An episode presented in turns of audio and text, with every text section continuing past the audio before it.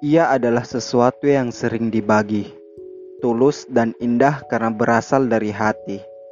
Tentu, si penerima menyambutnya dengan senang hati. Ah, perhatian memang sebuah manis di dunia ini. Ada tangan yang sibuk memainkan ponsel, berkali-kali mengetik, berkali-kali pula menekan tombol kirim. Lebih banyak pesan, lebih baik.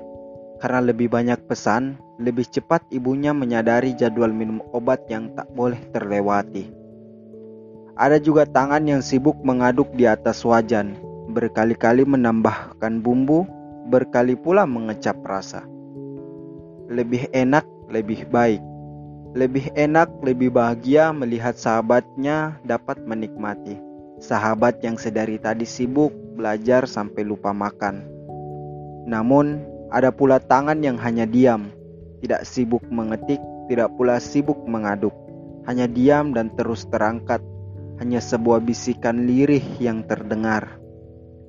Ternyata hati dan mulutnya sedang tidak diam saja, sibuk melangitkan sebuah nama bersama dengan harapan dan permohonan.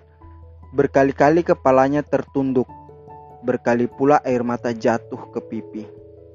Lebih deras, lebih baik lebih deras, lebih lega memohon kesembuhan dia pada Sang Pencipta yang paling berkuasa. Dia yang masih terkapar lemas setelah harus menjalani operasi besar demi kesembuhannya. Karena memang ia begitu istimewa.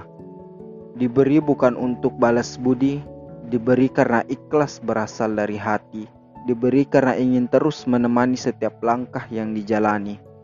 Karena memang ia begitu istimewa bisa dibagikan untuk siapa saja dan di mana saja.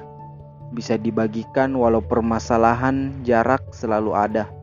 Bisa dibagikan walau si penerima tidak tahu siapa di baliknya. Dan bahkan bisa dibagikan dengan berbagai cara terbaik yang bisa dilakukan. Karena manisnya akan tetap terasa sama kan?